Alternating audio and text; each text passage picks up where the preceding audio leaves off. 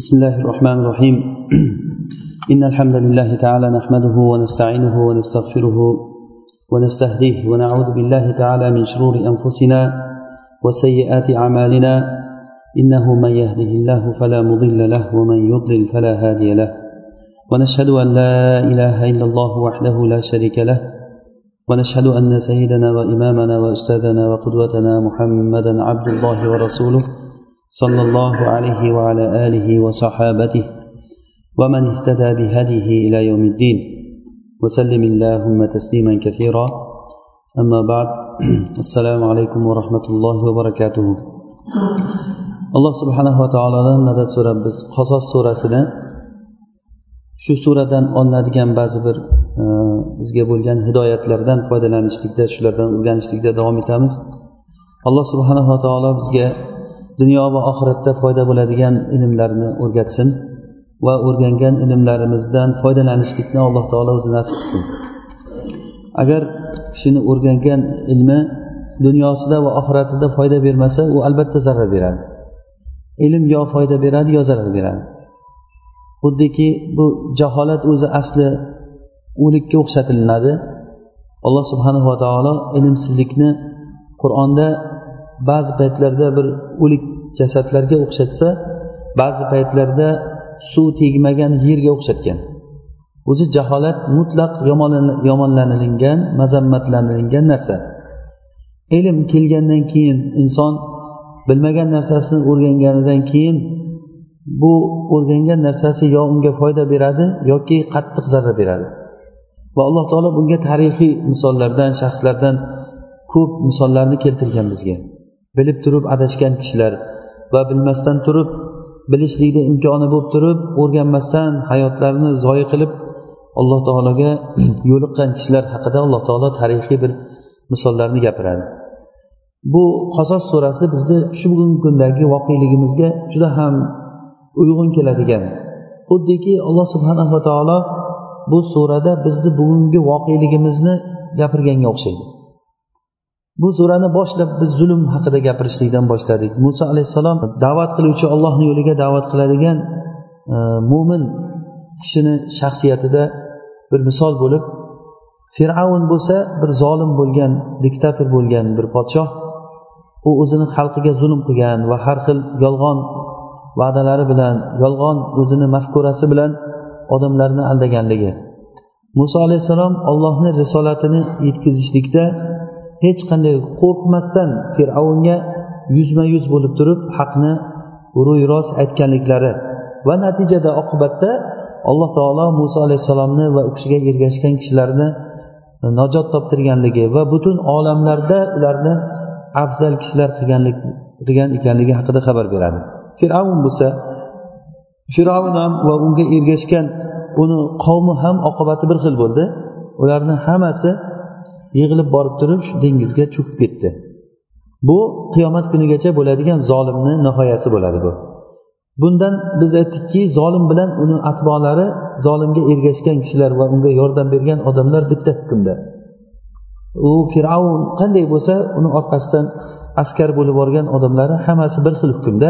Shuning uchun ham alloh taolo ularni qachon fir'avnni aytsa unga ergashgan kishilarni ham birga aytgan fir'avn halok bo'lgan o'rinda unga ergashgan kishilar ham halok bo'lganligini aytgan va qiyomat kunida fir'avnni tiriltirib do'zaxga kirgizadi degan paytda fir'avnni va uni qavmini alloh taolo tiriltiradi va fir'avn do'zaxga kiradi va uni qavmi ham birgalikda fir'avn ularni boshlab do'zaxga kirib ketadi deb aytgan.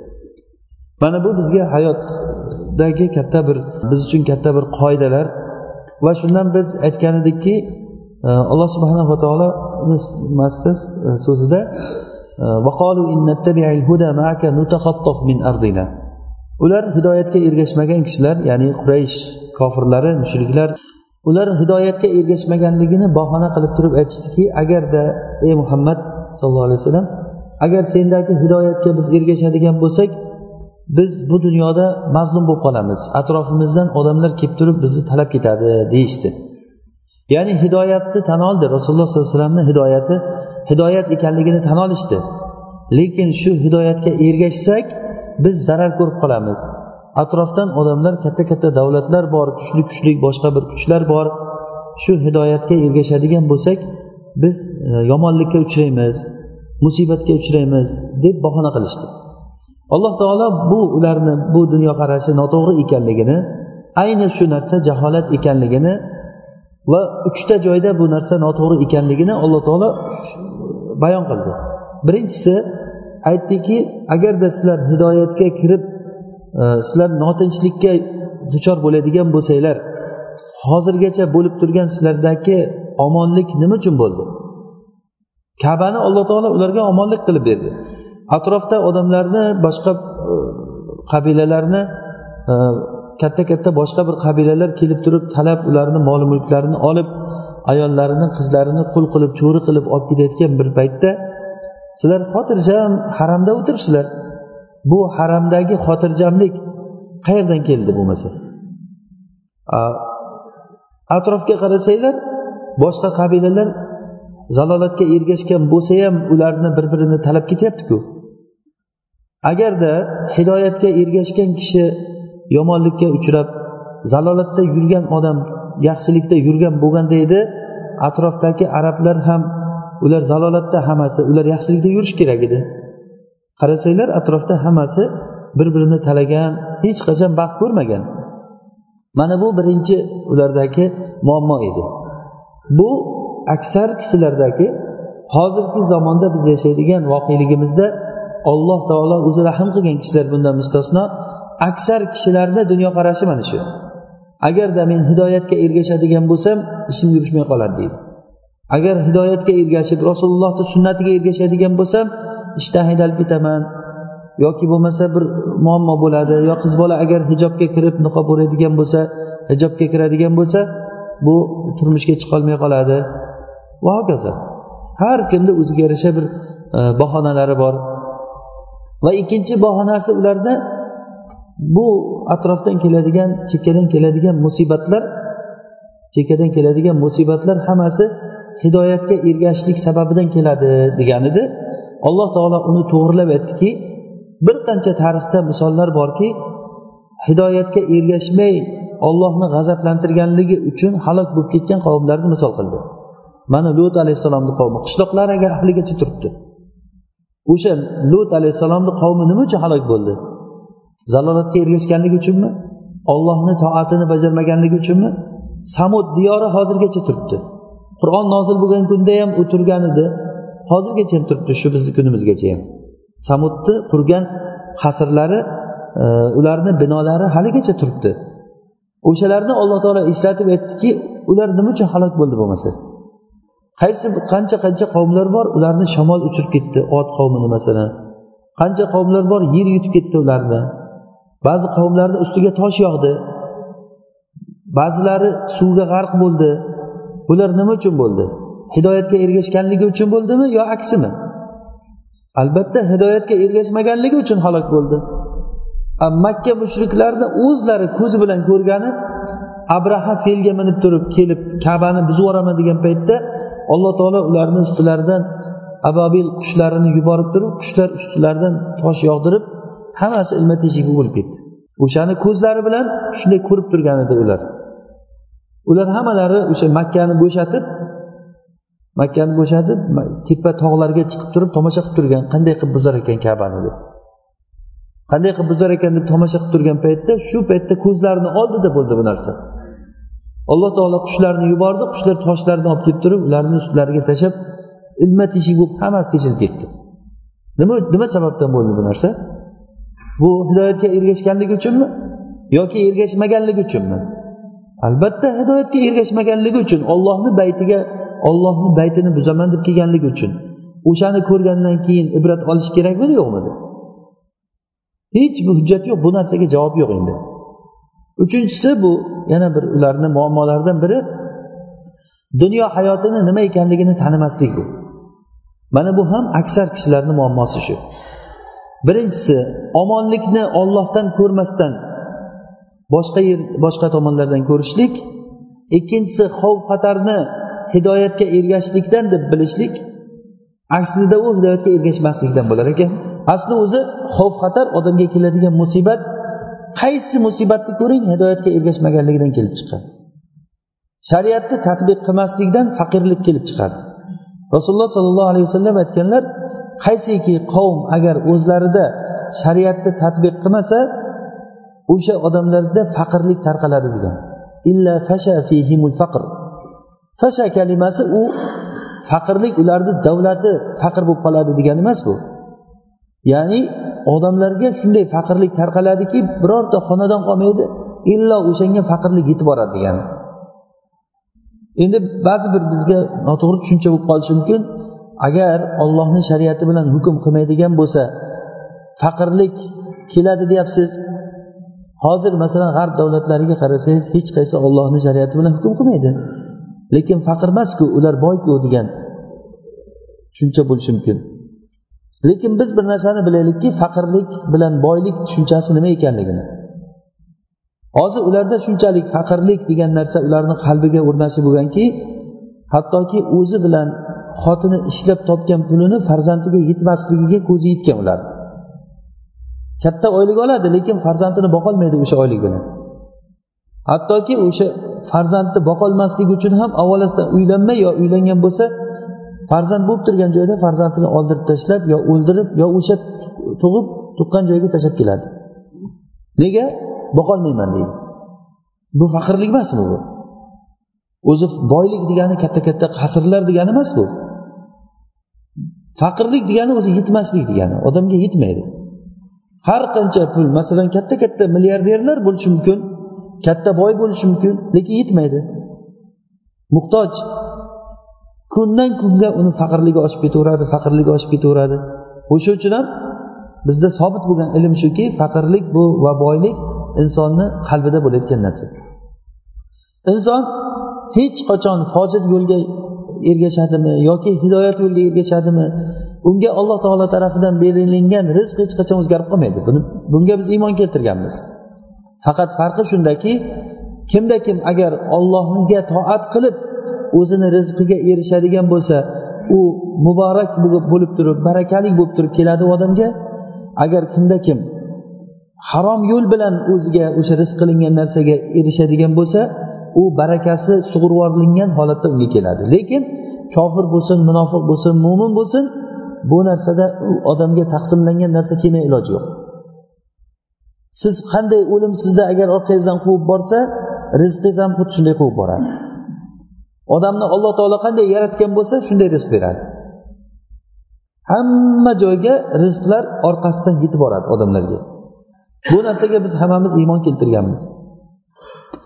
Iymon keltirganmiz. Lekin odamlar aksari bu narsani bilmaydi va odamlarni aksari bu narsada aqlini ishlatmaydi. O'sha uchun ham hozir biz o'qiydigan surada alloh taolo aytdiki afala taqilun? Sizlar hech aqllaringni ishlatmaysizlarmi? dedi. Va undan oldingi oyatlarda la ya'lamun dedi. Lekin odamlarni aksari aksari bu narsani bilmaydi. Mana shu ilm bizga to'g'ri ilm dunyoni haqiqatiga ko'ra bilishligimiz bu to'g'ri ilm bo'ladi. Hattoki e, ba'zi bir salaflardan muhammad ibn vasiya masalan imom molik rahmaullohni shayxi bo'ladi u kishi. Nihoyatda zuhd va taqvo bilan ilm bilan mashhur bo'lgan tobiinlardan u kishi. Muhammad ibn vasiya bir kuni bir joydan ketishda bir odamlarni bir joyga yig'ilib ibodat qilib turganligini ko'rib bu odamlar kimlar bular deb so'raganlarida ular aytishdiki ular zohidlar ular deb shunda zohidlar degani nima deganlaring? Deganda bular dunyodan yuz o'girgan odamlar. Desa dunyodan yuz o'girsa maqtalinadigan narsami shu ham degan ekanlar. Dunyo o'zi nima bo'ldiyu undan yuz o'girgan odam nima bo'ladi degan ekan. Ya'ni o'zi biz uchun zohid degan narsa katta gap. Dunyodan yuz o'girgan odam zohid deb hozir juda masalan dunyoni tark qilishlik juda og'ir narsa hammamiz uchun. Dunyoda odam o'ziga yetarli narsani olib qolganini tark qilishlik. Bu narsani rasululloh sollallohu alayhi vasallam hayotida ko'ramiz biz. Rasulullohni biror kun qorni to'yib ovqat yemagan ekanlar. Agar ertalab qorni to'ygan bo'lsa kechqurun och bo'lib uxlagan ekanlar. Agar kuni bilan och yurgan bo'lsa kech bo'lganda bir narsa yegan. Bo'lmasa ikki oy uch oy rasulullohni e, uyida oy o'tardi kun o'tardi. Rasulullohni uyida qozon qaynamasdi. Nima yerdinglar deganda oysha onamiz aytdilarki ikkita qora narsani yerdik. Ya'ni bu degani xurmo bilan suv. Xurmo bilan suv ichib kun o'tkazavergan. O'shanga shu ayollari ham shunga qanoat qilgan rasulullohni o'zlari ham qanoat qilgan. Rasululloh sollallohu alayhi vasallam aytadilar men bilan dunyoni misoli xuddiki bir musofir kishi bir safarda ketayotgan joyida to'xtab bir soyada dam olib keyin yana yurib ketgan odamga o'xshaydi. Dunyo o'sha joydagi o'sha soyalangan joydagi foydalangan holatga o'xshaydi. Bu dunyo xuddiki bir tushga o'xshaydi. Hammamiz o'sha o'tgan narsalarimiz o'tib ketdi xuddiki abu hazim rahimaulloh aytganlari kabi biz bilan boylarni dunyo berilingan odamlarni o'rtasida bir kun farq bor degan. U bo'lsa ham bugun degan. Kechagi kun o'tib ketdi ular ham kechagi kunda ular nima yegan bo'lsa nima ichgan bo'lsa biz yemagan ichmagan bo'lsak ham bugun bir xilmiz degan balki aksincha kecha yeb ichganligi uchun bugun qiynalib o'tirgan bo'lishi mumkin. Hatto bir jismoniy jihatdan ham kim azob yeyapti o'sha ovqat yegan odam azob yeydi. Kecha hech narsa yemagan odam bugun rohat qilib o'tirgan bo'ladi. Kimni ko'ring bir narsa yeb qo'yibman bir narsa ichib qo'yibman. Oshqozonimga yoqmabdi shu uchun azoblangan holatda ko'rasiz. Ertagi kundan bo'lsa biz bilan ular bir xil deganlar. Ertagi kun kelish kelmasligini olloh biladi faqat farqimiz hozir degan bo'lib ham bu dunyoni hayoti hozir bo'lsa ham bu davom etmaydigan bir ne'mat bu. Dunyoniki to'g'ri ne'mat lekin dunyoni ne'mati loyqalatilingan ne'mat. Sof musaffo ne'mat emas. Masalan yeb ichishni misolini olsangiz ham yeb ichishlikni ne'mati loyqalatilingan uni bir topishni o'zi bir muammo. Topgandan keyin yeyishlikda shu tildagi chaynagan paytdagi odamni og'zidagi holatida lazzat beradi. Tomoqqa o'tgandan lazzat to'xtaydi. Keyin azob boshlanadi. Tomoqqa o'tdimi azob boshlanadi. Buyog'i oshqozonga tushgandan keyin kimni ko'rgansiz? Ovqat yeb bo'lgandan keyin ha maza qildik zo'r bo'libdi ovqat juda maza qildik deydi. U mazasi o'tib bo'lgan bo'ladi. Keyin o'zi azob boshlanadi. Bu haliki bu dunyodagisi bu. Bu dunyoni ne'mati loyqalatilingan ammo oxiratni ne'mati bo'lsaki musaffo ne'mat bu. Oxiratda biror bir ne'matida biror bir mevalarni yeysizmi suvini ichasizmi asalini ichasizmi nimasini ne'matidan foydalansangiz u ne'mat faqat ne'mat bo'ladi. Mana shu ikkisini farqini ajratib ololgan odam aqlli odam bo'ladi. O'sha uchun ham alloh taolo shu oyatni oxirida aytdiki afala taqilun. Aql qilmaysizlarmi sizlar demak aql qilgan odam miyasini ishlatgan odam dunyoni taniydi. Dunyoni tanimagan odam demak aqlli odam hisoblanmaydi. Bu dunyoda hamma ne'matni ko'ring. Ba'zi bir odamlarni ko'rasiz nihoyatda havas kelishi mumkin.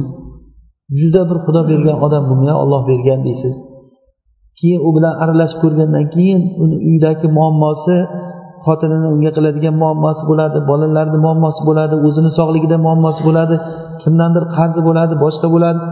Qarab turib rahmingiz kelib qoladi o'sha odamga. Kimga qarang alloh taolo bir tashvishni berib qo'yibdi boshiga. Beg'avg'o hech bosh yo'q. Bu dunyoda o'zi g'am chekmagan odamlar bir devona odamlar bo'lmasa aqlli odamlarni hammasini boshida bir g'avg'osi bor. Yo dinimni qilaman deb turib muhojir bo'lib qochib ketgan yo bir qarindoshi qamalib qolgan yo o'zini sog'ligi yo'q. Hamma narsasi bo'lsa uyida alloh taolo bir oilasi bilan uni balolab qo'ygan bo'ladi. Hech bir gapni tayini yo'q. Janjal mojaro janjal mojaro nima yetishmayapti senga? Hamma narsa bor. Uyga borsangiz hamma narsa bor. Lekin tinchlik yo'q faqat. Eng asosiy narsa yo'q. O'zi odamga eng asosiy narsa shu tinchlik omonlik. Ana shu omonlikni o'zimizga o'zimiz yo'q qilib qo'yamiz. O'tirgan joyimizda bekor bo'lganimizdan keyin ich qiziydi erini ham ich qiziydi xotinni ham ich qiziydida o'sha omonlik degan narsani yo'qotadi bir biriga nisbatan. Mana bu ne'matni loyqalatilinganligi mana shu qoida bilan qaravering dunyoga. Buni misolini xuddiki alloh taolo shu surada hali bizga keladi. Qorunni misolida ko'rsatib berdi. Qorunga alloh taolo dunyo matosidan hamma narsani bergan edi. Juda katta mol mulki bor edi uni. Hisob kitobi yo'q uni.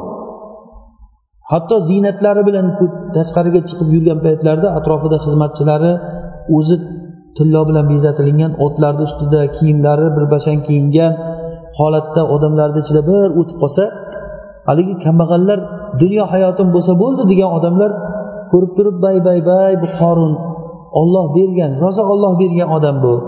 Judayam nasibali odam bu deb havas qilishgan.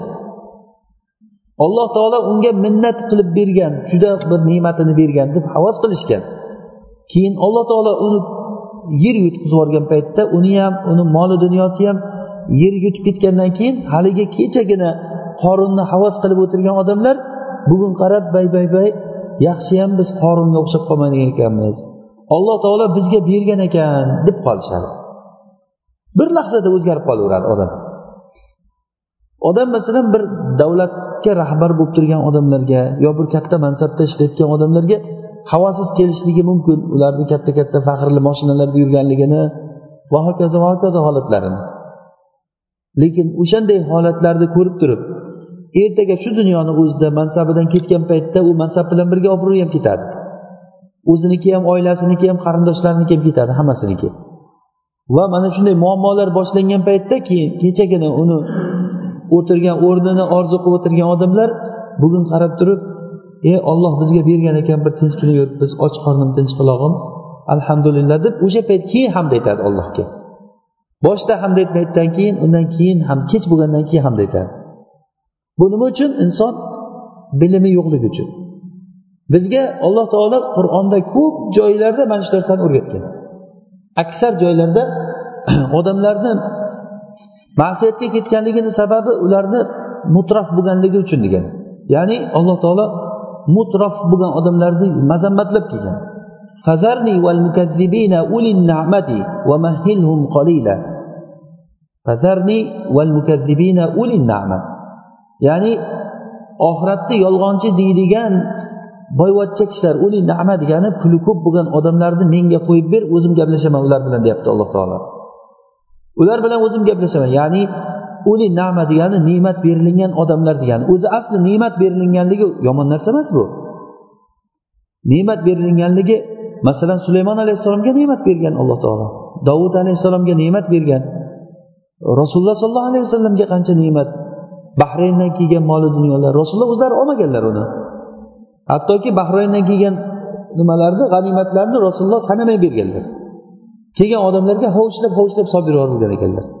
O'sha dirham dinorlarni sanamasdan hovuchlab solib berganlar.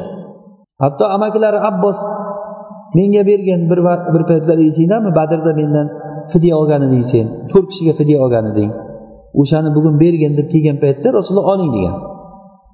Xohlaganingizcha oling shundan degan. Haligi bir lattasini to'shab qo'yib solib solib ko'tarolmay qolguncha solgan. Ko'tarilmay qolgandan keyin keyin ko'tarib yuborgin deganda yo'q ko'tarishmayman degan. Birortaga aytgin ko'tarishsin desa birortaga ham aytmayman o'zingiz ko'taring degan. Ya'ni rasululloh sollallohu alayhi vasallam u dunyoga u kishini dunyoni olishligiga ajablanganlar.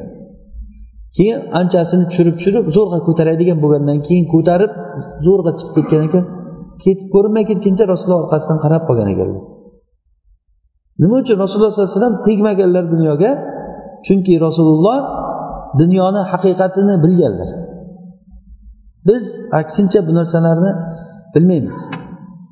Iymon davo qilgan taqvoni davo qilgan iltizomni davo qilgan qancha qancha kishilar borki dunyoni jamlagandan jamlaydi jamlagandan jamlaydi faqat shikoyat.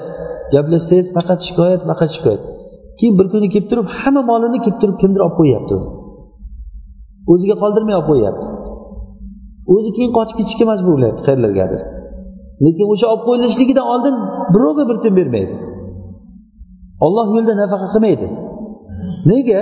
Chunki uni yaxshi ko'radi u dunyoni dunyoga ibodat qilgan kishini albatta uni yuzida dunyo asari ko'rinishligi shart. Dunyoga ibodat qilgan odamni ibodat asari yuzidan ko'rinadi. Shu asarlardan biri o'zini tutishidan boshlanadi. Dunyoga ibodat qilgan odam dunyosi ko'paygandan keyin o'zini tutishi boshqacha bo'lib qoladi. Odamlar bilan gaplashganda masxara qilib kulib hatto kulishlari ham qo'llarini harakatlari ham moshinalarda yurishlari ham boshqacha bo'lib qoladi. Bironta o'tib ketsa ham qarab qoladi qovog'ini uyib oldidan. Xuddiki undan boshqa odam bu yo'lda undan so'rab yurish kerak deydi. O'zini shunday tutib qoladi. Hattoki keyin u boshqa o'ziga o'xshagan puldor kishilarni o'zidan ko'ra puldorroq bo'lgan odamlarni ko'rsa nihoyatda hurmat qilib yuboradi o'shalarni chunki molga ibodat qiladida. Molga ibodat qilgan odam uni qo'lidagi narsasini ko'rsa boshqacha tutadi o'zini. Yaqinda bolalardan biri aytyapti saudiyada talabalardan biri amerikalik ekan. Lekin rangi biz tomonda odamlarga o'xshab ketar ekan amerikalik jomiyada o'qiydigan talabalardan ertalab bomdod paytida haramga ketaman deb shoshilib chiqsa polis uni ushlab olgan. Dokumentingni ko'rsat hujjatlaringni ko'rsatgin deb. Ay men namozga chiquvdim ertalab ham hujjat ko'tarib yurmaydiku bu kishi deb shu ana qilsa qo'ymasmish hech. Polis u desa ham qo'ymagan bunisi ham qo'ymagan keyin polisga qarab o et debdi. Men seni amerikalik saiding bo'laman tushundingmi? debdi. Amerikalik bo'laman desa jim bo'lib qolibdi boyagi. Indamasdan ketavergan keyin qarang qanchalik darajada men amerikalikman deyishligini o'zi bilan tamom qotib qolgan boyagi odam bu nima uchun bunchalik inson? Amerikalik bo'lmay masalan u boshqa bir qirg'izistonlik yo boshqa yerlik bo'lib chiqsa nima bo'lardi? Masalan uni nazarida shunchalik odamlar farqi bor. Amerikalik bo'ldi nimayu bu yoqlik bo'ldi nima uni? Aslida. Ollohni bandasi emasmi? Yana haromga namoz o'qishga ketyapti yana. Yer ollohniki emasmi? Nima musulmon kishini la ilaha illalloh degan odamni ollohni yerida yurishga haqqi yo'qmi? Kimdandir so'rab yurish kerakmi u? Yana bo'lib ham haram yerda vaqf yerda bu jarimani qilgan odamlar aqlsiz bilmaydigan ilmsiz odamlar. O'zi nima qilyapti nima deyayotganligini bilmaydi. Men qayerda turibman deb bilmaydi o'ziga savol bermaydi men kimman o'zi deb. Mana bu molga ibodat qilgan odamni albatta ibodat asari u odamda ko'rinmay iloji yo'q yo o'zini tutishda ko'rinadi yo o'zgalar bilan bo'lgan muomalasida ko'rinadi albatta ko'rinadi chunki u molga ibodat qiladi mana shu tushunchani alloh taolo tuzatib bir qancha joylarda alloh taolo molni qadrsiz narsa ekanligini aytib وما أوتيتم من شيء فمتاع الحياة الدنيا وزينتها وما عند الله خير وأبقى afala taqilun? Aqllaringni ishlatmaysizlarmi deb aytdi. Insonga berilingan milk qilib berilingan narsa bilan rizqni o'rtasida bir birini o'rtasida aloqadorlik joyi yo'q. Ya'ni masalan sizga alloh taolo milk qilib bir narsa berdi. Qo'lingizda katta bir masalan e, koshona bor katta bir qasr villa bor yo bir katta katta joylar bor. Bu degani emaski bu sizni rizqingiz degani emas bu. Buni dalili qancha qancha villa qurib qo'ygan odamlar borki uni huzurini o'sha qorovul ko'radi. Yilda borsa bir boradi yo bormaydi. Chunki u rizqi emas uni. O'sha qasrda yashash uni rizqi emas uni. Lekin o'zini qalbida bir xotirjamlik borki beshta villam bor deydi. Falon joyda bitta bor falon joyda bitta bor. Vaqt yo'q borib ko'rishga vaqt yo'q villasini. Agar borsa ham dam olgani emas o'sha villani ko'rib kelish uchun borishi mumkin. Borib ozroq bir ikki soat uyoq bu yoqlarga qarab qanday yaxshi o'tiribsanmi yaxshimi kamchiliklari yo'qmi? Yo'q. Nima kaming bor desa boya qarovul unim qolmadi yog'im qolmadi desa un yo'q hamma narsa olib kelib berib turib yana ketadi. Kimni rizqi u. Bittasi bir villada turibdi deydi katta bir jip moshinasini minib yuribdi. O'sha yerda qarovul ekan. Haligi xo'jayinni jipini minib har zamonda minib turish kerak ekan u joyda turaversa bo'lmaydi uyda turibdi boyagini jepini minib yuribdi xo'jayin kelmaydi yillar o'tib ketadi kelmaydi. Mana bu rizqi uni. Lekin qalbida faqat u meniki emas degan e'tiqodi bor narigisiniki u meniki degan e'tiqodi bor. Boshqa farqi yo'q o'rtada. Rizq degan narsa shu. Qancha qachon sizga foydalantirsa o'sha rizqingiz bo'ladi. Foydalanmagan narsa rizq bo'lmaydi. Masalan oshxonani egasi bor. Masalan buxoriy oshxonasini. Masalan xo'jayinisi masalan. O'sha yerdagi taomlar hammasi shuni rizqimi? Uni milki u. O'sha yerdagi narsa lekin kimni rizqi u. Kim yesa o'shani rizqi u.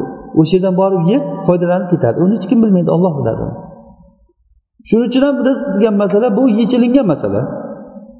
Belgilangan masala. Odam onasini qornida paytda bir yuz yigirma kun bo'lgan paytda bir farishta kelib turib belgilab uni rizqi amali ajali va baxtli baxtsiz bo'lishligini yozib bitib ketadi.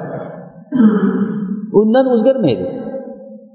Lekin bu yerda faqatgina bu yerda odam o'shaga o'ziga rizq qilingan narsani harom yo'li bilan barakasiz qilib oladi yoki halol yo'li bilan barakali qilib oladi. Mana shuning uchun ham shu ilm agar bizda paydo bo'lsa odam dunyoga halol haromdan kelaverishligiga qiziqib ketavermaydi.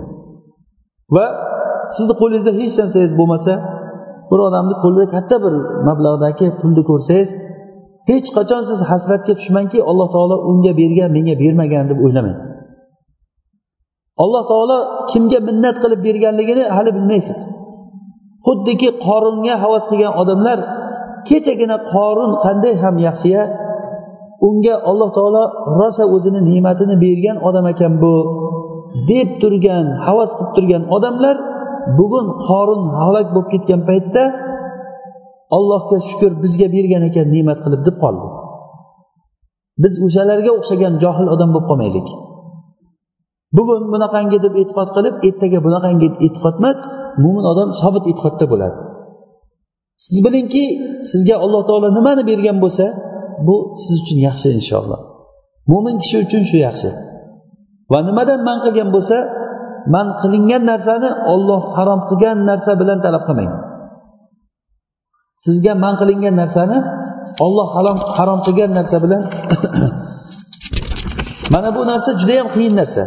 Xuddiki xuddi shu ma'noni e, abu hazim bu narsani aytgan ekan. Bir sherigi so'ragan ekanki bir nasihat qiling deb gaplashib o'tirganda aytgan ekanki sen o'zingga berilinmagan narsani ollohni g'azablantirgan yo'l bilan talab qilma degan va senga berilingan narsani olloh g'azablanadigan o'ringa sarflama degan ya'ni senga berilinmagan narsani ollohni g'azablantiradigan yo'l bilan talab qilmagin va senga berilingan narsani olloh g'azab qilayotgan joyga sarflamagin degan. Shunda bu qiyinku ey abu hazm bu ishni kim qila oladi bu narsani deganda shuning uchun ham jahannamga kiruvchilar ko'pda degan ekan. Shuning uchun ham jahannam to'ldirilgan jahannama minal jinnati van nasi ajmain. Alloh taolo aytdiki jahannamni men odamlar va jinlar bilan to'ldiraman degan. Demak ishlar zohiri bilan bo'lmaydi. Tashqi ko'rinishligiga qarab bir narsaga baho bermasligimiz kerak biz. Mana bu ilm bizda agar bu sobit bu ma'lumot bo'lib qolsa xotirjamlik ollohdan xavf xatarlar ollohdan uni sababi o'zimizdan. Qanaqangi xavf xatar yomonlik keldimi bilingki uni sababi o'zizsiz. Nimaki sizga bir musibat keldimi bilingki sababchisi o'zingiz nimaki musibat bo'lsa biz sababchisi o'zimiz lekin musibat ollohdan keladi. Musibat ollohdan sababchisi o'zimiz. Yaxshilik xotirjamlik buni manbasi ollohdan va ollohga toat qilishlikdan bo'ladi. Mana shu ilm agar bizda sobit bo'layotgan bo'lsa dunyoni qanaqa ekanligini bilsak oxiratni qanaqa ekanligini o'zini haqiqatiga ko'ra biladigan bo'lsak ana o'shanda ko'pchilik muammolar bizni hayotimizdagi muammolar yechiladi odamlardagi bir narsaga hukm qilishlik o'sha narsani qanday tasavvur qilishdan kelib chiqadi. Ya'ni arab tilida bir qoida bor. Al hukmu ala shayin farun an tasavvurihi deydi. Ya'ni bir narsaga hukm qilishlik shu narsani tasavvur qilishdan kelib chiqadi. Siz qanday tasavvur qilsangiz o'shanday hukm qilasiz. Masalan bir narsani sinib qoladigan narsa ekanligini bilganingizdan keyin juda avaylab ushlaysiz uni. Va uni juda pishiq narsa ekanligini bilganingizdan keyin o'shanga qarab odam harakat qiladida masalan bir narsani yengil deb o'ylasangiz juda og'ir bo'lsa e bu juda og'ir ekan deysiz temir bo'lsa agar va juda og'ir deb o'ylagan narsani masalan siz g'ishtmi yo temir deb o'ylagan narsani ko'tarsangiz yengil bir narsa bo'lsa hayron qolasiz. Chunki odam o'zini o'shanga tayyorlab ko'taradi. Demak har bir narsani ham odam qanday muomala qilishligi shu narsani avval tasavvur qilishdan kelib chiqadi. Noto'g'ri tasavvur qilsangiz noto'g'ri ilm bo'lsa noto'g'ri amal chiqadi. Har bir amal inson qalbidagi ilmdan o'sib chiqadi. Birorta bir amal o'z uz o'zidan sodir bo'layotgan amal qariyb yo'q lekin bo'lsa ham bu g'ofil haligi hayvonlarda bo'layotgan narsa bu. Masalan hayvon bir amalni qilib ketaveradi. Masalan bir mag'rashi mumkin mol bo'lsa yo dumini qimillatadi masalan yo yurib ketaveradi bir tomonga qarab. Nimaga ketyapti u? Qaqrab ketyapti. Masalan o'sha molni to'xtatib so'rasangizda masalan qayerga ketyapsan sen? Desangiz bir javob yo'q unga. Masalanda agar tili bo'lganda ham javob berolmasdi qayerga ketyapsan hozir desangiz. Bunaqangi odamlar juda bor odamlar mana shu xuddi hayvonga o'xshab harakat qiladi. Lekin o'sha hayvonga o'xshab yeydi hayvonga o'xshab harakat qiladi. Lekin insonlarda o'sha hayvonga o'xshab harakat qilgan bilan ichida qanaqadir bir falsafasi bo'ladi o'sha odamni masalan mol topayotgan odamlarga qarasangiz ham shunday. Noto'g'ri tushuncha bilan bilib olganda farzandlarim qiynalib qolmasin deydida harakat qiladi halol haromdan yig'ishtirib olib kelaveradi uyga. Bolalarim mendan keyin qiynalib qolmasin deydi. Lekin bolani qiynalib qolmasligi uchun odam solih bo'lishi kerak. Kimki solih bo'lsa alloh taolo uni farzandini qiynab qo'ymaydi. Mana bu ilm bu. Buni bilmagan odamlar nima qiladi? Teskari amal qiladi. Qaytanki ollohni g'azablantiradigan amalni qiladi o'zi savol javobini beradi farzandlari ham buni faturasini to'lash bilan ovora bo'ladi. Mana bu insonni ilmsizligidan kelib chiqayotgan narsa. Har bir harakatni tagida bir ilm yotadi. O'sha uchun ham bizga ilm o'qishlik ilm o'rganishlik farz bo'lganligi ham shundan. To'g'ri bilsak bir narsani o'shanga qarab keyin to'g'ri muomala qilamiz. To'g'ri bilmasak kim bilan do'stlashishlikni ham do'stlashishni xato do'stlashamiz. Kimni foyda keltirayotgan ekanligini bilmaymiz. Masalan dars bo'lsa bir joyda dars foydali dars iymon darsi sizni dunyoingiz uchun oxiratingiz uchun foyda bo'layotgan dars bo'lsa o'sha darsga qatnashmaslik odamni xayolida bo'ladi. Nima uchun? O'sha yerga qatnashsam men menga musibat keladi deb o'ylaydi odam. Aslida yaxshilab qarasa nima musibat kelishi mumkin yana senga? Masalan bunday o'ylab qarasa nima nima ham bo'lishi mumkin menga shu qatnashsam? Degan savolni o'ziga bermaydidan keyin darsga qatnashmasdan uyida masalan televizor yoki kino ko'rib o'tirishi mumkin. Bu kino ko'rishligi buni dunyosiga ham oxiratiga ham zarar. Sog'ligiga ham zarar o'zini. Ko'ziga ham sog'ligiga ham zarar. Uyidagi bir baraka xayrga ham zarar. Hamma tomondan bunday qarasangiz minusga o'tiradi odam. Nima sababdan? Ilm yo'qligi uchun. Nima foyda nima ziyon bilmaydi. Har qanday harakat har qanday ish inson qalbidagi bir ilmdan o'sib chiqayotgan narsa bo'ladi.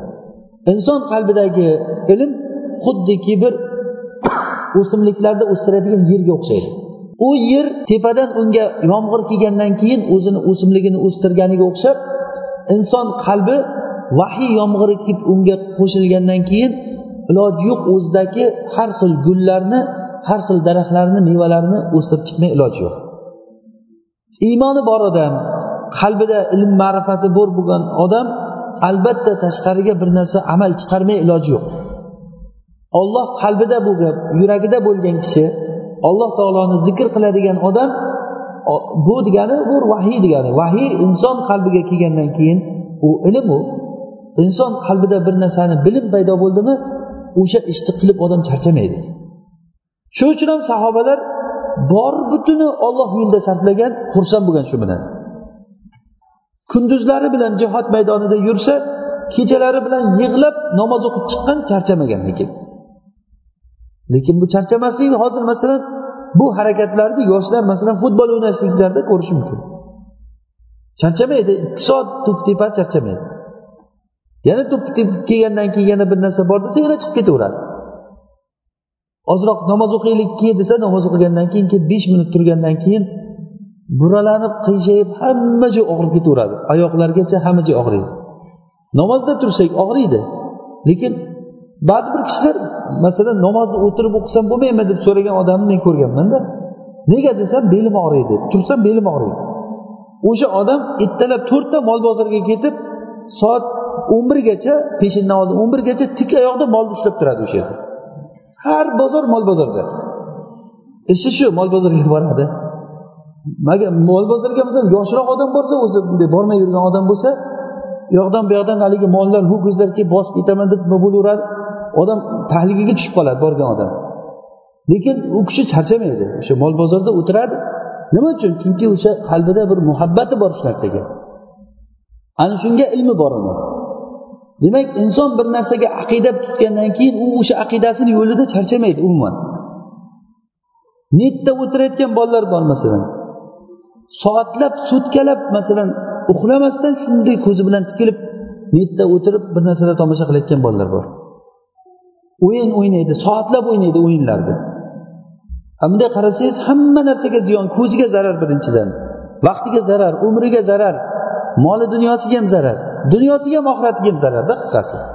Lekin shu narsani qilaveradi inson. Sababi uni foyda ziyonini bilmaydi. Agar biladigan bo'lsa bu ishni qilmasdi odam. Shuning uchun ham alloh taolo aytdiki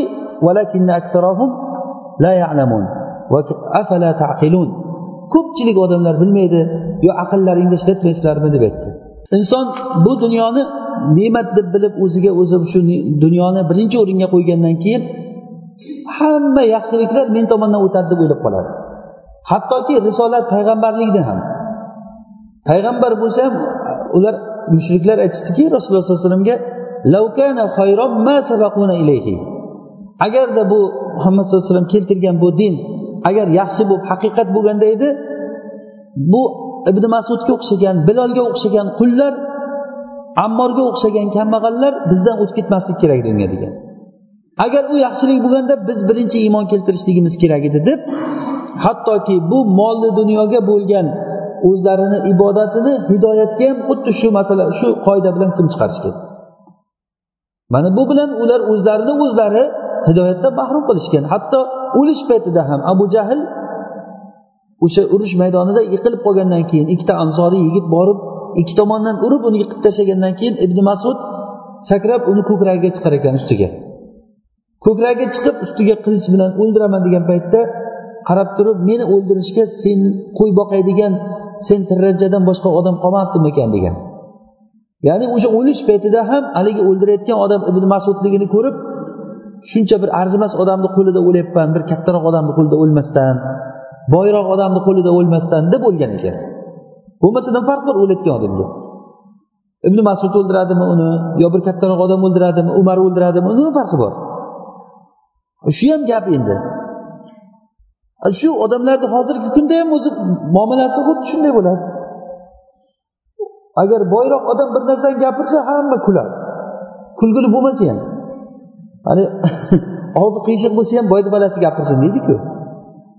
Agar kambag'al odam ishi yurishmaydigan odam bo'lsa qancha javrasa ham haqni gapirib tursa ham odamlar ko'p unchalik e'tibor bermaydi unga nima uchun? Chunki qalbda dunyoga ibodat qilishlik bor. Bu billah juda katta dard bu. Mana shu dard bir kuni kelib turib maddalab odamni olib ketib qolayotgan joyga olib ketadi. Ehtiyot bo'lish kerak bu narsadan xuddi hozir biz o'qiydigan surani davomida keladi. Qiyomat kunida ular olib keltiriladi. Olib kelinadi degani qayerga olib kelinadi? Qayerga olib kelinishni aytmayapti alloh taolo. Buyog'i o'zi tushunarli. Masalan falonchani olib ketibdi desa nimani tushunamiz hozir? Olib ketibdi uni ham olib ketibdi sheriklarini ham olib ketibdi desa. Kim olib ketgan qayerga olib ketgan? O'zi aytmasa ham tushunardik masalan. Qiyomat kunida ular olib kelinadi deyapti. Qiyomat kuni keldi. Olib keltiriladigan odamlardan bo'ladi. keyin savol javobini hisob kitobini beradi inson كمن متعناه متاع الحياة الدنيا ثم هو يوم القيامة من المحضرين alloh taolo bu surani davomida aytadiki biz go'zal bir va'dalar bilan va'da bergan odam biz va'da berganmiz u odam albatta shu va'daga erishadigan odam va'da berganmiz va shu va'daga erishadi deb qo'shib ketyapti alloh taolo Bu alloh taolo bergan o'zi mo'minlar ularga va'da bergan ularga qiyomat kunida mana e, har xil joriyalar bo'ladi. Qiyomat kunida ularga tillodan bo'lgan qasrlar bor anhorlar bor asaldan tagidan oqadigan anhorlar oqadigan bog'lar bor. So'rilarda ular bir birlariga qarab suhbatlashib o'tirishadi. Alloh taolo bizni hammamizni jannat ahlidan qilsin. Bu dunyo o'tkinchi dunyo. Biz shunga iymon keltirdik. Borgan sari shu hayotga biz yaqinlashib boraveramiz. Dunyo hayotidan o'tib oxirat hayotiga yaqinlashib boraveramiz. O'sha odam yaxshimi endi? O'sha odam yaxshimi? Biz va'da berib va'da qilib o'sha va'damizga erishadigan odam yaxshimi? O'sha odam dunyo dunyo hayotini matosini unga berib keyin qiyomat kuni u do'zaxga olib kelinadigan odam yaxshimi? Aqlli odam qanday o'ylashi kerak? Agar bunday o'ylasangiz sen oltmish yil yo yetmish yil boringki yuz yil maishat qilib yashaysan. Hech yomonlik ko'rmaysan. Aytganing aytgan deganing degan bo'ladi. Hamma ne'matlar oldingda muhayyo bo'ladi. Lekin buni evaziga keyin umuman nihoyasiz sen kuyadigan do'zaxga kirasan. Rozimisan desa nima deydi aqlli odam? Abadan hech qachon rozi bo'lmaydi aqli bor odam. Bu qachon bir yuz yil umr ko'rib birorta bir yomonlik ko'rmagan odamga. Endi bu dunyo hayoti o'zi bir bulg'angan hayot bo'lsa lazzati boy aytganimizdek bir sof bo'lgan ne'matni ko'rsatingchi sof bo'lgan ne'mat yo'qligi uchun ham ba'zi bir boylarni bolalarini boyni o'zi masalan mehnat qilib mehnat qilib pul topganligi uchun ozroq bo'lsa ham qadriga boradi. Lekin uni farzandi haligi beli og'rimaganda non yeyishini ko'r degandek kuniga nechi ming dollarlab pul ishlatadigan. Hattoki bittasini o'g'li bir e, institutda o'qir ekan bir kunda bir yuz ellik ming dollar ishlatar ekan. Bir kuni bilmayman nima qiladi endi uni. Kuniga bir yuz ellik ming dollar ishlatadi o'shanaqangi ne'matda yurgan xayoliga kelgan narsani qilgan oxiri lazzat topolmagandan keyin o'zini o'zi osib o'ldiribdi. Nashaga o'tiradi oxiri. Iloji aroq ichadi bo'lmaydi zino qiladi zinoni lazzati ketib qoladi. Aroq ichgandan keyin lazzat ketib qoladi. Oxiri keyin lazzat izlaydi bu dunyoda topolmaydi. Bu dunyoni lazzati toat bilan bog'langan ekanligini bilmaydi. U betavfiq u. Lazzat izlaydi lekin lazzat qilish kerak. Puli bor faqat puli bor uni. Lekin bu pul unga balo. Mana shu bilan u izlab izlab oxiri topolmagandan nashaga o'tiradi. Keyin bir ikki yil o'tgandan keyin o'zi o'lganligini eshitasiz. Bu dunyoni lazzati o'zi loyqalatilgan hamma shunday. Hamma lazzat shunday. Boringki loyqalatilmagan bo'lganda ham yuz yil yashasin ikki yuz yil yashasin lekin oqibati do'zaxga kirayotgan bo'lsa nima bo'ladi bu lazzat? Bu lazzatni kimga keragi bor buncha lazzatni? Mo'minlarga bo'layotgan bo'lsa alloh taolo biz bir narsani tushunishimiz kerak. Yo dunyo bo'lsin yo oxirating bo'lsin desa bo'lardi o'zi aslida adolatga olganda. Masalan kimki agar jannatga kiraman desa shu dunyoda xor bo'lib yursin zor bo'lib yursin o'sha odam jannatga kiradi deyilinganda ham arzir edi o'zi jannat o'sha narsaga. Bir arzimagan yillar bir xorizor bo'lib yurardikdan keyin keyin olloh nasib qilsa jannatga o'tib ketsa keyin mazza qilib ketardik. Lekin alloh taolo unday demadidanki hidoyatda yuringlar shu dunyoda ham maza qilasizlar oxiratda ham maza qilasizlar ومنهم من يقول ربنا آتنا في الدنيا حسنة وفي الآخرة حسنة وقنا عذاب النار ulaika lahu lahum nasibun mimma kasabu ana o'sha odamlarga nasiba bor dunyosida ham oxiratda ham nasibasi bor kim rohat qiladi iymon ahli rohat qiladi eng rohat qilgan odamlar salaflar o'sha haqiqiy olloh bergan rasululloh sollallohu alayhi vasallam sahobalari bo'lgan. Uyga kirsangiz uyda hech narsasi bo'lmagan. Birorta narsasi bo'lmagan. Abu ubaydat ibn jarroh bu kishi bu ummatda amini deyilgan kishi shomda amir paytida umar ibn hattob roziyallohu anhu davrida umar ziyoratga borar ekan. E abu ubayda uyingizga borsak bir ziyorat qilsak sizni uyingizga degandan keyin to'yimga borasizu yig'laysizda borib degan ekan. Uyiga olib borgan uyiga olib borsa uyida hech narsa bo'lmagan. Amir bo'lmasa shomda amiri uyida hech narsasi yo'q. Keyin yeydigan bir narsa olib keling endi deganda mayda singan qotgan nonlardan bir ikkitasini topib kelgan ekan bir joydan. O'shani yeb turib ey abu ubayda bizni hammamizni dunyo o'zgartiribdi lekin sizni o'zgartirmabdi. Rasululloh davridagidek qolibsiz degan ekan. Yig'lab soqollari ho'l bo'lib ketgan ekan. Ana shu odamlar aqlli odamlar. Bu odamlarga o'zi hisob kitobi ham o'ziga yarasha bo'ladi. O'zi tiriklik paytida ularga rasululloh sollallohu alayhi vasallam shahodat aytib qo'ygan o'zi. Bu ummatni amini abu ubayda dedilar.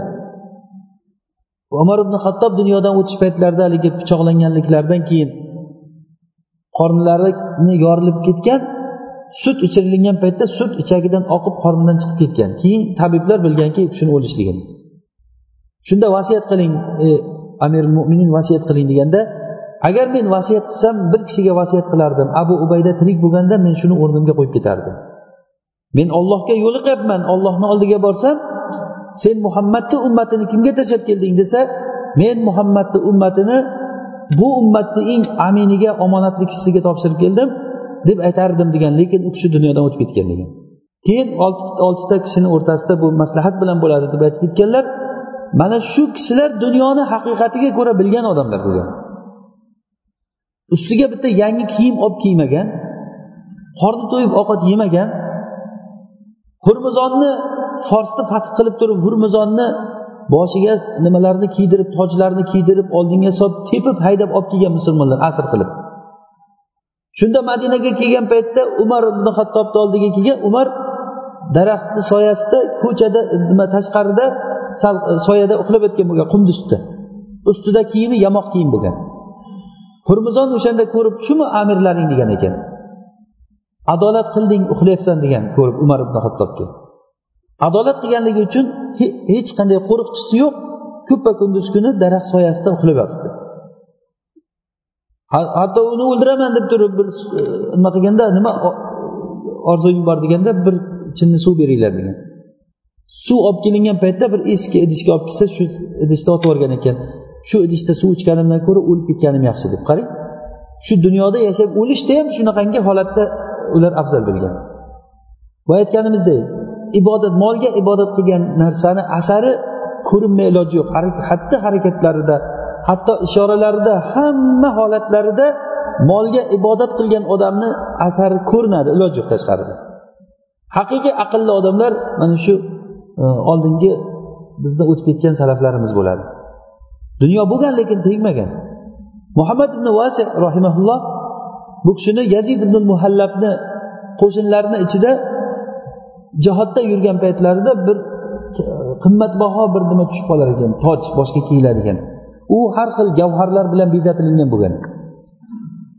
Shunda yazid ibn muhallab aytgan ekanki hozir men shuni beraman desam hamma odam xohlaydimi shuni olishni? deganda yonidagi kishilar ha hamma xohlaydi buni. Men qasam ichib aytamanki muhammad ibn vasiya mana shuni olmaydi degan ekan. Ishonmasanglar hozir ko'rasizlar deb chaqirgan ekan. Muhammad ibn vasiy jihodda yurgan bo'lgan unda. Keyin chaqirgandan keyin mana shu g'animatdan tushib qoldi men sizga shuni beraman deganda yo'q menga kerak emas bu degan ekan. Vallohi olasiz deb qasam ichib qo'ydim men olasiz deganda qasam ichganligi uchun olgan ekan keyin olib tashqariga chiqib ketgan shunday chiqib ketishda keyin orqasidan bir kishini yuborgan ekan bor kuzatib bor qani nima qiladi deb. Orqasidan kuzatib chiqqanda bir tilamchi undan pul so'rab kelganda o'shani berib yuborgan ekan. Qo'ldagi tojni shunday uni qo'liga tutqizib ketib yuborgan qaytib kelib turib u bir tilamchiga berib ketdi bergan narsangizni deganda orqasidan yuborib turib haligi tilanchidan sotib olgan ekan o'zi kiygani mana shunday odamlar bo'lgan.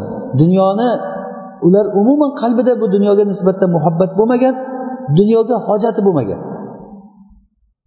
Bizni qiynaydigan narsa shu o'zi. Orzu havas ko'payib ketganligi orzu havas ko'payib ketganligi mana shu uchun bir birimizga yordam bermaymiz bizlar. Mo'minlar shu uchun o'zi xor bo'lib yuribdi o'zi. Dunyo yo'q emas bor. Ko'pchilik odamlarda dunyo bor. Lekin dunyo boru o'ziga kerak hammani. Odamni kamchiligidan ortmaydi u narsa. Lekin agar biz sahobalarni hayotini o'rganib o'sha hayotga agar qarab o'sha hayotga o'zimizni solib ko'radigan bo'lsak hozir bizda juda katta ko'p ko'p juda ko'p ortiqcha narsalar bor. Bu narsa behisob kitob bo'lmaydi. Nimaiki bizga berilgan bo'lsa albatta uni hisob kitobi bor. ثم هو يوم القيامة من المحضرين ويوم يناديهم bu surada alloh taolo hozir bizga aytadigan nimada uchta nido qilishlik haqida aytyapti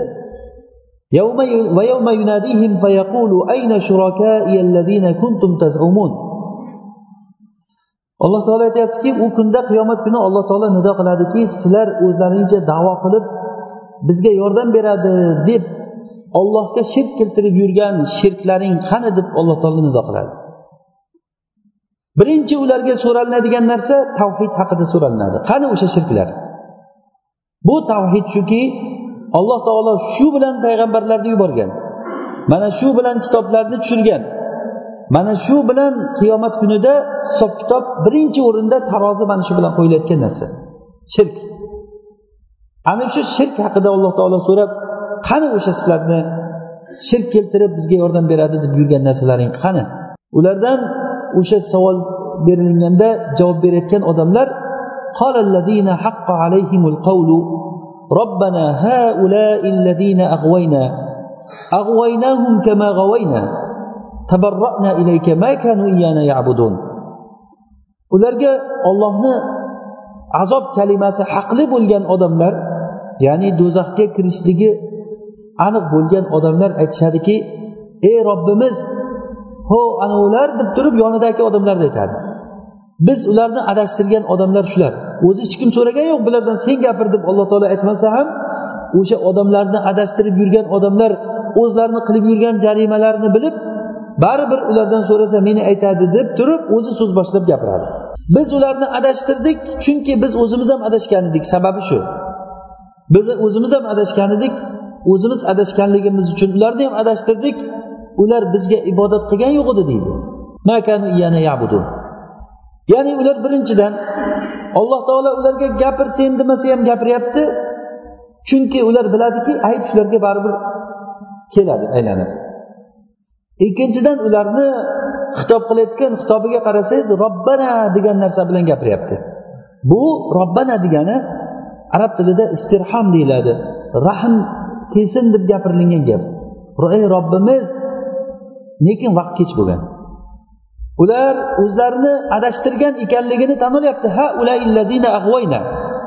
ana shu odamlarni biz adashtiruvdik deb o'zlarini adashtirgan ekanligini tan olyapti ilayka senga ulardan biz voz kechdik deb turib kofirlardan mushriklardan voz kechyapti. Lekin vaqtida bo'lmayapti bu narsa. Bu voz kechishlik vaqt foyda bermaydigan o'rinda ular voz kechyapti. Ollohdan rahm so'rashligi foyda bermaydigan o'rinda ular ollohdan rahm so'rayapti. O'zi aslida robbana kalimasi nihoyat darajada eng insonni rahmi kelinadigan haligi inson rahmatga muhtoj bo'lgan o'rinda aytilinadigan kalima bu. Robbana degan gap. Shuning uchun ham payg'ambarlarni duolariga qarasangiz robbana robbana deb duo qilingan. Eng muhtoj bo'lgan o'rinlarda aytilingan. Masalan insonni eng ichi achiydigan kishisi o'zini farzandi bo'ladi. Masalan farzandni otaga onaga ichi achiydi to'g'ri. Lekin aksi judayam qattiq ichi achiydi. Ya'ni otani farzandga bo'lgan. Agar bo'lib ham o'sha farzand kasal bo'lsa yoki bo'lmasa u farzand bitta bo'lsa bo'lib ham qarigan paytda topgan bo'lsa va u farzandini tashlab inson agar safarga ketayotgan bo'lsa orqasida shu qolayotgan farzandiga qanchalik rahmi keladi odamni endi u farzandi uyda qaraydigan odamlarni ichida qolsa shunchalik rahmingiz keladi farzandingizga. O'zingiz safarga ketyapsiz o'zingizga ishlagani ketyapsiz. Bir begona yurtlarga ishlagani ketyapsiz. Lekin orqada qolgan farzandingizga odamni ichi achiydi. O'shanga rahmingiz keladi. O'ziku qiyinchilikka ketyapti odam. Lekin orqada qolgan farzandiga ichi achiydi.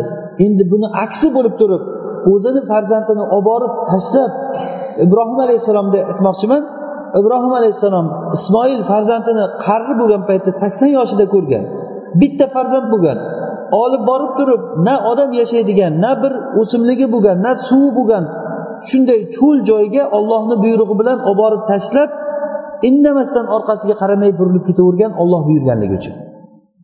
shu paytdagi otani qalbidan o'tayotgan kechinmani siz tasavvur qiling nima bo'layotganligini lekin ibrohim alayhissalom shu qubays tog'ini orqasiga o'tib turib o'sha joydan duo qildi robbana inni askantu min zurriyati biwadin غير ذي زرع عند بيتك المحرم ربنا ليقيموا الصلاة فاجعل أفئدة من الناس تهوي إليهم وارزقهم من الثمرات لعلهم يشكرون ey robbim men zurriyotimni hech bir ekin o'smaydigan odamzod bo'lmaydigan joyga seni buyrug'ing bilan tashlab ketyapman degan. Ey robbim namoz o'qishlik uchun shu yerga tashlab ketyapman degan. Yosh bolacha haligi emish kerak bo'lgan bolani olib kelib na bir musofirlar o'tadigan joy na bir u yerda suv bor na bir daraxt bor hech kim yo'q. Bir qishloqqa begina qishloqqa olib borib tashlasa ham mayli edi shu qishloq ahlidan birortasi qarab oladi degan umid bo'laydi birorta bir umid yo'q bo'lgan joyda shunday ollohni amri bilan o'sha joyga olib borib tashlab ketgan o'sha joydan keyin duo qilganlar bu kishini qilgan ishini barakoti bilan kaba qurildi. O'sha ishni barakoti bilan zamzam suvi chiqdi. O'sha ishni barakoti bilan hozirgacha safo marva o'rtasida hojilar qiyomat kunigacha safo marva o'rtasida hojar onamiz yetti marta borib kelganligi uchun biz ham yetti marta borib kelishligimiz kerak. Mana shu ollohga bo'lgan toatni eslatishlik uchun bu narsa. Kabaga bo'lgan intilishlik o'sha joyga bo'lgan odamlarni qalbini alloh taolo qalblarni o'sha joyga burib qo'ydi. Ibrohim alayhissalomni shu duosi bilan bu hammasi toatni orqasidan kelib chiqdi. O'zini farzandini o'sha joyga olib borib tashlashlikdan kelib chiqdi. O'sha joyda ibrohim alayhissalomni qilgan duosini qarang robbana deb duo qilgan. Mushriklar kofirlar qiyomat kunida robbana deb duo qiladi. Ollohni rahmi kelsin bizga. olloh bizga rahm qilsin deb turib robbana deb duo qiladi lekin bu kech bo'lgan bo'ladi. Bu duoni shu dunyoda qilaylik qancha duo qilish kerak bo'lsa. Eng duoni istijob bo'ladigan mustajob bo'ladigan sabablardan biri robbana deb duo qilishlik. Qo'llarimizni ko'tarib robbana deb duo qilishligimiz. Rasululloh sollallohu alayhi vasallam e, bir kishini zikr qildilar. Safar ashasa ag'bar yamuddu yadayhi ila yaqulu ya rob ya rob keyin bir kishini aytdilar rasululloh sollallohu alayhi vasallam uzun safarlarga boradi to'zigan holatda horigan holatda bo'ladi qo'llarini tepaga ko'tarib turib ey rob ey rob deb duo qiladi deganlar lekin uni yeydigan narsasi harom ichgan narsasi harom va haromdan go'shtlari badanlari haromdan oziqalangan qanday qilib turib unga duosi ijobat qilinadi o'sha odamda ham rob deb duo qilganligi kelgan. Alloh subhanava taolo bizga foydali ilm bersin. Inshaalloh bu kelgusi darslarda alloh taolo nasib qilsa e, surani davomi bor. Bu davomida alloh taolo bizga o'sha odamlarga e, qiyomat kunida nido qilganligi haqida uchta nido bilan nido qilganligi haqida keladi. Buni birinchisi alloh taolo e, tavhid haqida so'raganligi bilan nido qilgan. Inshaalloh buni yana kelgusi darsdan davom ettiramiz. Alloh taolo hammamizni qalbimizni isloh qilsin. dunyomizda ham oxiratimizda ham bizga foyda beradigan bizni foydamizga hujjat bo'ladigan ilmni alloh taolo bersin hammamizga. Subhanakallohu bihamdik nashhadu an la ilaha illa ant nastag'firuka va natubu ilayk.